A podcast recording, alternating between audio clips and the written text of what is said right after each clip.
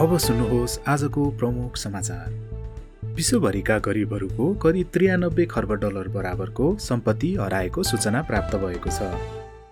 So सम्पत्ति कसले लग्यो भन्नेबारे अहिलेसम्म कुनै सुराक मिलेको छैन। मृत पुँजी नामाकरण गरिएको यस सम्पत्तिको बारेमा कसैलाई जानकारी भएमा सो जानकारी द नेपाली इकोनोमिस्टलाई प्रदान गर्न आग्रह गरिएको छ। हेलो एन्ड नमस्ते श्रोता। स्वागत छ यहाँलाई पडकास्ट द नेपाली इकोनोमिस्टको दसौँ भागमा। गत भागमा हामीले समृद्धिको अर्को बाटोको बारेमा कुरा गरेका थियौँ जसमा हामीले पेरुभियन अर्थशास्त्री हर्नान्डो डिसोटोले गरेको अध्ययनको निष्कर्ष र पेरुमा तथा विश्वमा त्यसको प्रयोगको बारेमा चर्चा गरेका थियौँ। गत भागलाई लिएर पनि मलाई थुप्रै प्रतिक्रियाहरू प्राप्त भएका छन्। एकजना श्रोताले रेडिट डट कमको नेपाल सेक्सनमा तपाईँको पडकास्टको बारेमा थाहा पाएँ र सुने साह्रै राम्रो लाग्यो। यस कामलाई निरन्तरता दिनुहोला भनेर इमेल गर्नुभएको छ। त्यसै गरी अर्को एकजना श्रोताले भने तपाईँ मेरो अर्थशास्त्रको शिक्षक भइदिएको भए अर्थशास्त्र पढ्न कति रमाइलो हुने थियो होला भनेर भन्नुभएको छ। उहाँहरूको प्रतिक्रियाको लागि विशेष आभार व्यक्त गर्न चाहन्छु। अर्थशास्त्रलाई सकेसम्म रोचक बनाउने मेरो प्रयास सदा रहनेछ। यसै क्रममा आजको भागलाई अगाडि बढाउँ है त। तपाईँले अहिलेको सूचना त सुनिहाल्नुभयो। तपाईँलाई केही थाहा छ त? गरिबहरूको हराएको त्रियानब्बे खर्ब डलरको बारेमा? एउटा हिन्ट दिन्छु है त। यो कुरा हाम्रो गएको भागमा चर्चा गरिएको विषयसँग सम्बन्धित छ। मलाई उक्त सम्पत्तिको बारेमा धेरै जानकारीहरू आएका छन् तर खासै भरपर्दो सूचना अहिलेसम्म आएको छैन। ल अर्को इमेल आयो। कसको रहेछ हेरौँ। सायद केही पत्ता लागिहाल्छ कि? लौ यो इमेल त हामीले गत भागमा चर्चा गरेका अर्थशास्त्री हर्नान्डो डेसोटोको पो रहेछ। ल सुनौ है त डेसोटो के भन्छन्?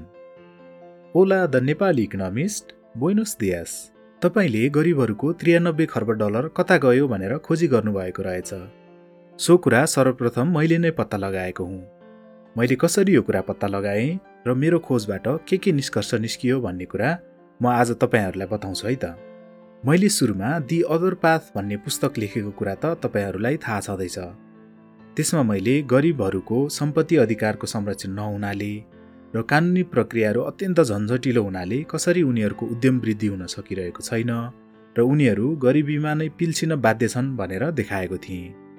पेरुको तत्कालीन सरकारले मेरो निष्कर्षहरूलाई गम्भीरतापूर्वक लियो र आवश्यक कानुनी तथा नीतिगत सुधारहरू गर्न थाल्यो।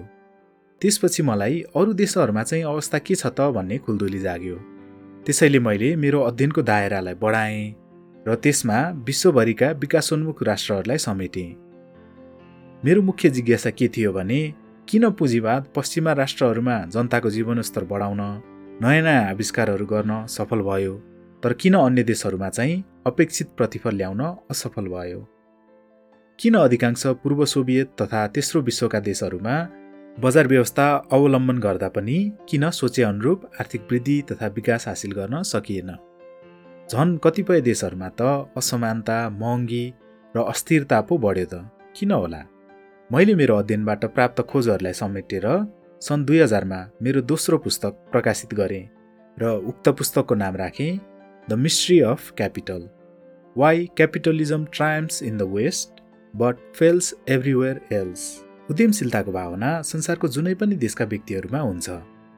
तेस्रो विश्वका जुनै पनि सहरमा जानुहोस्। वा पूर्व साम्यवादी देशहरूमा जानुहोस्। तपाईँले हरेक कुना काप्चामा उद्यमीहरू भेट्नुहुनेछ।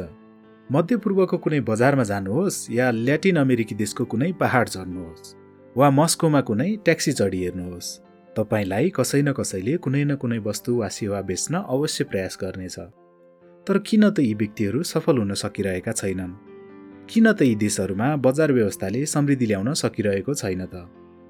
मैले एउटा महत्त्वपूर्ण कुरा पत्ता लगाएँ। त्यो के कुरा भनेर मैले भन्नुभन्दा तपाईँले मनन गरी हेर्नु उचित हुन्छ। एकछिनलाई मानव तपाईँ कुनै पश्चिमा देश घुम्न जानुभयो मानव फ्रान्स घुम्न जानुभयो अरे र उक्त भ्रमणपछि तपाईँ आफ्नो देश नेपाल फर्किनु भयो अरे। तपाईँले के कुरा चाहिँ पछाडि छोड्नुहुन्छ? तपाईँले सायद लगाउने लुगाको गुणस्तर उही हुन्छ होला। तपाईँले चलाउने फोन पनि सायद उही हुन्छ होला। तपाईँले खाने खानेकुराको गुणस्तर पनि सायद उही हुन्छ होला। तपाईँले पछाडि छोड्ने एउटा प्रमुख कुरा भनेको तपाईँ कस्तो प्रणालीको मातहतमा रहनुहुन्छ भन्ने हो। तपाईँले पछाडि छोड्ने भनेको विधिको शासन हो। तपाईँ आफ्नो देशमा फर्किन साथ फेरिने कुरा भनेको कानुन सबैलाई समान रूपमा लाग्छ कि लाग्दैन? तपाईँ कुनै आर्थिक क्रियाकलापमा सहभागी हुन सजिलो छ कि छैन भन्ने होला। आर्थिक समृद्धिको दृष्टिकोणले अझ महत्त्वपूर्ण कुरा त के हो भने तपाईँले सम्पत्ति अधिकार र त्यसमा आधारित रहेर कानुनी रूपमा गर्न मिल्ने कारोबारको सुविधालाई पनि पछाडि छोडेर आउनुहुन्छ। यसले गर्दा देशका सबै नागरिकहरूले उद्यमशीलतामा भाग लिन वा आर्थिक क्रियाकलापमा सहभागी हुन पाउँदैनन्। जसले गर्दा देशमा पर्याप्त उद्यमशील ऊर्जा व्यापक प्राकृतिक स्रोत र अत्यधिक श्रमको आपूर्तिका बावजुद देश विकास हुन पाइरहेको हुँदैन। जसरी मेरो देश पेरुमा उद्यमीहरूले विभिन्न बाधा अडचनहरूको सामना गर्नु परिरहेको थियो यी अन्य देशमा पनि परिस्थिति उस्तै उस्तै नै भएको मैले पाएँ। उदाहरणको लागि फिलिपिन्समा कसैले सहरी क्षेत्रमा भएको सम्पत्तिलाई औपचारिक बनाउन खोजेमा तेह्रदेखि पच्चिस वर्षसम्म लाग्ने रहेछ र एक सय अडसट्ठीवटा प्रक्रियाहरू पुरा गर्नुपर्ने रहेछ। त्यसै गरी इजिप्टमा कसैले सरकारी स्वामित्वमा रहेको मरुभूमिको जमिनमा केही निर्माण गर्न खोजे। एकतिसवटा फरक फरक सरकारी निकाय धाउनुपर्ने रहेछ र सतहत्तरवटा प्रक्रिया पुरा गर्नुपर्ने रहेछ जसका लागि छदेखि चौध वर्षको समय लाग्ने रहेछ। त्यसै गरी त्यहाँ पहिले कृषि हुने जमिनमा घर बनाउन खोजेमा आवश्यक प्रक्रिया पुरा गर्न छदेखि एघार वर्षसम्म लाग्ने रहेछ। यसैले गर्दा सडचालिस लाख इजिप्सियन नागरिकहरूले गैर कानुनी तरिकाले घर बनाएर बसिरहेका रहेछन्। त्यसै गरी हाइटी भन्ने देशमा एउटा पाँच वर्षको भाडाको करार गर्न एक सय एघारवटा प्रक्रिया पुरा गर्नुपर्ने रहेछ जसका लागि चार हजार एक सय बाह्र दिन लाग्ने रहेछ। मैले के निष्कर्ष निकालेँ भने विकसित देशहरूमा प्रत्येक भौतिक सम्पत्तिले दुईवटा जीवन बाँचिरहेको हुँदो रहेछ। एउटा जीवन भौतिक सम्पत्तिको रूपमा अर्को जीवन भने पुँजीको स्रोतको रूपमा। अर्थात् विकसित देशमा कुनै एउटा घर छ भने त्यसले आवास प्रदान गर्ने मात्र काम गरिरहेको हुँदैन। त्यसले त पुँजीको स्रोतको लागि धितोको काम पनि गरिरहेको हुन्छ। यसले गर्दा त्यहाँ वित्तीय पहुँच भइरहेको हुन्छ। ती देशहरूमा सम्पत्तिलाई सजिलै पुँजीको रूपमा परिणत गर्न सकिन्छ। त्यसको विपरीत विकासोन्मुख देशहरूमा भने माथि चर्चा गरिएका विभिन्न कारणहरूले गर्दा विशेष गरी गरिबहरूको सम्पत्तिको अधिकार सुनिश्चित नभएको वा कानुनी मान्यता नपाएको हुनाले गरिबहरूसँग भएका भौतिक सम्पत्तिहरू जस्तै घर जमिनहरूले भौतिक सम्पत्तिको रूपमा मात्र काम गरिरहेका छन्। ती वस्तुहरूलाई सहजै पुँजीमा रूपान्तरण गर्न सकिँदैन र ती वस्तुका मालिकले आफूले चिने जानेका र भरोसा गर्ने व्यक्तिहरूको साँगुरो घेराभन्दा बाहिर गएर तिनको कारोबार गर्न पनि सक्दैन। ऋण लिनको लागि धितोको रूपमा प्रयोग गर्न पनि मिल्दैन र लगानीको लागि पुँजी वा हिस्साको रूपमा प्रयोग गर्न पनि मिल्दैन। यसले गर्दा ती व्यक्तिहरूले आफूसँग भएको सम्पत्तिको सीमित मात्र उपयोग गर्न सकिरहेका छन्। अर्थात् ती सम्पत्तिहरू मृत पुँजीको रूपमा रहिरहेका छन्। मेरो टोलीको गणना अनुसार फिलिपिन्समा सहरी क्षेत्रमा सन्ताउन्न प्रतिशत बासिन्दा मृत पुँजीको रूपमा रहेको आवासमा बसोबास गर्दछन् भने ग्रामीण क्षेत्रमा यो दर सडसठी प्रतिशत रहेको छ। मेरै देश पेरुमा सहरका त्रिपन्न प्रतिशत बासिन्दा र गाउँका एकासी प्रतिशत बासिन्दाहरूले बसोबास गरिरहेका संरचनाहरूले पर्याप्त कानुनी मान्यता पाएका छैनन्।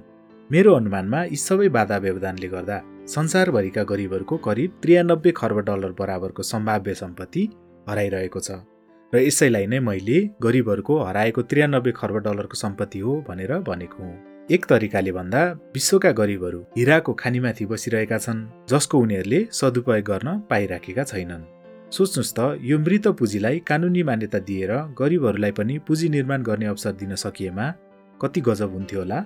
पश्चिमा मुलुकहरूको कानुनी प्रणालीले छवटा सुविधाहरू प्रदान गरिरहेका छन् जुन विकासोन्मुख देशका कानुनी प्रणालीहरूले गरिरहेका छैनन्। सबैभन्दा पहिलो त सम्पत्तिहरूको आर्थिक सम्भाव्यता तय गर्ने। जसले गर्दा उक्त सम्पत्तिलाई लगानीमा परिणत गर्न सकियोस् या त धितोको रूपमा प्रयोग गर्न सकियोस्। जब कुनै भौतिक सम्पत्तिलाई कुनै कागजातमा प्रतिनिधित्व गरिन्छ तब एउटा घर आवास प्रदान गर्ने संरचना मात्र रहँदैन पुँजीको स्रोत पनि बन्न जान्छ। दोस्रो कुरा भनेको छरिएर रहेको जानकारीलाई एउटै प्रणालीमा ल्याउने ताकि सम्पूर्ण स्रोत तथा सम्पत्तिहरूलाई समान नियम र कानुनले शासन गरून्। विकासोन्मुख देशमा वस्तु वा संरचनै पछि फरक फरक कानुन र नियम भएको मैले पाएको थिएँ। त्यसले गर्दा कुन सम्पत्ति कुन नियमद्वारा उपभोग गर्न पाइने कुन कारोबार कुन कानुनद्वारा शासित हुने भन्ने कुरा गन्जागोल थियो। यसले गर्दा कुनै पनि सम्पत्तिको कारोबारको सम्भावना सीमित हुन जान्छ। तेस्रो कुरा मानिसहरूलाई जिम्मेवार बनाउने ताकि कुनै पनि व्यक्तिले सेवा वा वस्तु उपभोग गरेर त्यसको पैसा नतिरेमा उसलाई जिम्मेवार ठहर्याउन र ऊबाट क्षतिपूर्ति लिन सकियोस्। स्पष्ट सम्पत्ति अधिकार नभएको ठाउँमा कुनै पनि सम्पत्तिको स्वामित्व र भोग चलन समुदायको राजनीतिक समीकरण शक्ति समीकरणले निर्धारण गर्ने हुन्छ। तर स्वामित्व स्पष्ट भएसँगै कुनै पनि व्यक्ति आफ्नो सम्पत्तिमाथि स्वतन्त्र निर्णय लिन सक्ने हुन्छ र उसको जिम्मेवारी पनि थपिन्छ। चौथो कुरा भनेको सम्पत्तिहरूलाई सजिलै एकले अर्कोलाई प्रतिस्थापन गर्न मिल्ने बनाउने ताकि व्यक्तिहरू वा संस्थाहरूबीच तिनको कारोबार सहजै होस्। र देशभित्र मात्र नभएर अन्तर्राष्ट्रिय रूपमा पनि कारोबार गर्न सकियोस्। औपचारिक अर्थतन्त्रमा यसको उदाहरण तपाईँले सेयर बजारमा देख्न सक्नुहुन्छ जस्तै कुनै एउटा कारखाना पनि एकभन्दा बढी व्यक्तिको स्वामित्वमा हुन सक्छ र स्वामित्व एउटा व्यक्तिबाट अर्को व्यक्तिमा सहजै सार्न सकिन्छ सेयरको कारोबारको माध्यमबाट। कारखानालाई नै टुक्रा टुक्रा पारिराख्नु पर्दैन। र पाँचौँ कुरा भनेको सम्पत्तिहरूलाई सहजै प्रतिस्थापन गर्न मिल्ने बनाएर र सम्पत्तिलाई उसको मालिकसँग कानुनी रूपमा जोडिदिनाले मानिसहरूलाई अन्य मानिस वा सेवा प्रदायकसँग सम्बन्ध जोड्न मिल्ने वातावरण बनाउने ताकि उनीहरूले अत्यावश्यक सेवाहरू पाउन सकुन्। जस्तै उदाहरणको लागि कुन घर कसको हो भन्ने कुरा कानुनी रूपमा स्पष्ट भएपछि न उक्त घरमा विद्युत खानेपानी इन्टरनेट जस्ता सेवा दिन सकिन्छ। र छैठौँ कुरा भनेको कारोबारहरूलाई कानुनी संरक्षण प्रदान गर्ने र हरेक कारोबारको उचित अभिलेख राख्ने ताकि ठगी नहोस् र कारोबारलाई बढावा मिलोस्। कुनै पनि कारोबारको शर्तलाई भविष्यमा पनि र अन्य रूपमा पनि कार्यान्वयन गराउने जस्तै कुनै लुइस भन्ने व्यक्तिले कार्लोस भन्ने व्यक्तिबाट ऋण लिएको छ र उक्त ऋण उसले सहमतिमा इवान भन्ने व्यक्तिलाई सारिदियो भने इवानलाई पनि सोही शर्तहरू लागू हुने व्यवस्था गराउने। यी कुराहरू सुनिश्चित गर्न सकियो भने गरिबहरू पनि औपचारिक अर्थतन्त्रमा आबद्ध हुन सक्छन् र उनीहरूसँग भएका भौतिक सम्पत्तिले पनि दोहोरो काम गर्न सक्नेछन्। जस्तै कुनै घरले बास दिने मात्र काम गर्ने छैन कि पुँजीको स्रोतको रूपमा पनि काम गर्नेछ। अवश्य पनि संसारबाट गरिबी निवारण गर्नका लागि यतिले मात्र त पुग्दैन। यो कुनै ब्रह्मास्त्र होइन। तर पनि गरिबी निवारणको यात्रामा भने यो एउटा महत्त्वपूर्ण कदम भने हो। मलाई आशा छ तपाईँले मेरो कुरा बुझ्नुभयो होला। केही थप जिज्ञासा भएमा मलाई पुनः खबर गर्नुहोला। आदियोस भवदिए हर्नान्डो डेसोटो डिङडङ। त श्रोताहरू तपाईँलाई कस्तो लाग्यो त? हर्नान्डो डेसोटोका कुराहरू। मलाई लाग्छ उनले भने जस्तो मृतपुँजी हाम्रो देशमा पनि धेरै छ। भलै अन्य देशहरूमा वर्णन गरिएको जस्तो विकराल स्थिति त नहोला नेपालमा। तर विभिन्न अवरोधहरूले गर्दा हाम्रा भौतिक सम्पत्तिले दोहोरो काम गर्न वा दोहोरो जीवन बाँच्न चाहिँ पाइराखेका छैनन्। यसमा सुधार गर्नु अवश्य जरुरी छ। ल त यति भन्दै अब आजको लागि बिट मार्नेतर्फ लाग्न चाहन्छु म। आशा छ तपाईँलाई आजको भाग मन पर्यो होला। तपाईँलाई आज चर्चा गरेको विषयको बारेमा थप जान्न मन छ भने तपाईँले मेरो पडकास्टको विवरणमा उल्लेख गरिएका सन्दर्भ सामग्रीहरू पढ्न सक्नुहुन्छ। हर्नान्डो डिसुटोले भनेका कुराहरू नेपालमा लागू होलान् कि नहोलान्? वा भए भने कसरी होलान्? सोच्नुहोला है। अनि द नेपाली इकोनोमिस्टका आगामी भागहरू पनि सुन्न नछुटाउनुहोला। चाहिँ मलाई प्रतिक्रिया वा सन्देश पठाउन नभुल्नुहोला। सन्देश पठाउनका लागि तपाईँले मलाई Nepali economist at Gmail dot कममा इमेल गर्न सक्नुहुन्छ वा फेसबुकमा सन्देश पनि पठाउन सक्नुहुन्छ। र जाँदा जाँदै अर्थशास्त्री थमस सौवेलको यो भनाइ राख्दै म बिदा हुन्छु। नमस्ते। वाक स्वतन्त्रता र सम्पत्ति अधिकार दुवै कानुनी रूपमा व्यक्तिको हुने भए तापनि तिनको वास्तविक कार्य चाहिँ सामाजिक स्वभावको छ। अर्थात् आफैले यी अधिकार उपयोग नगर्ने असङ्ख्य व्यक्तिहरूलाई फाइदा पुर्याउने।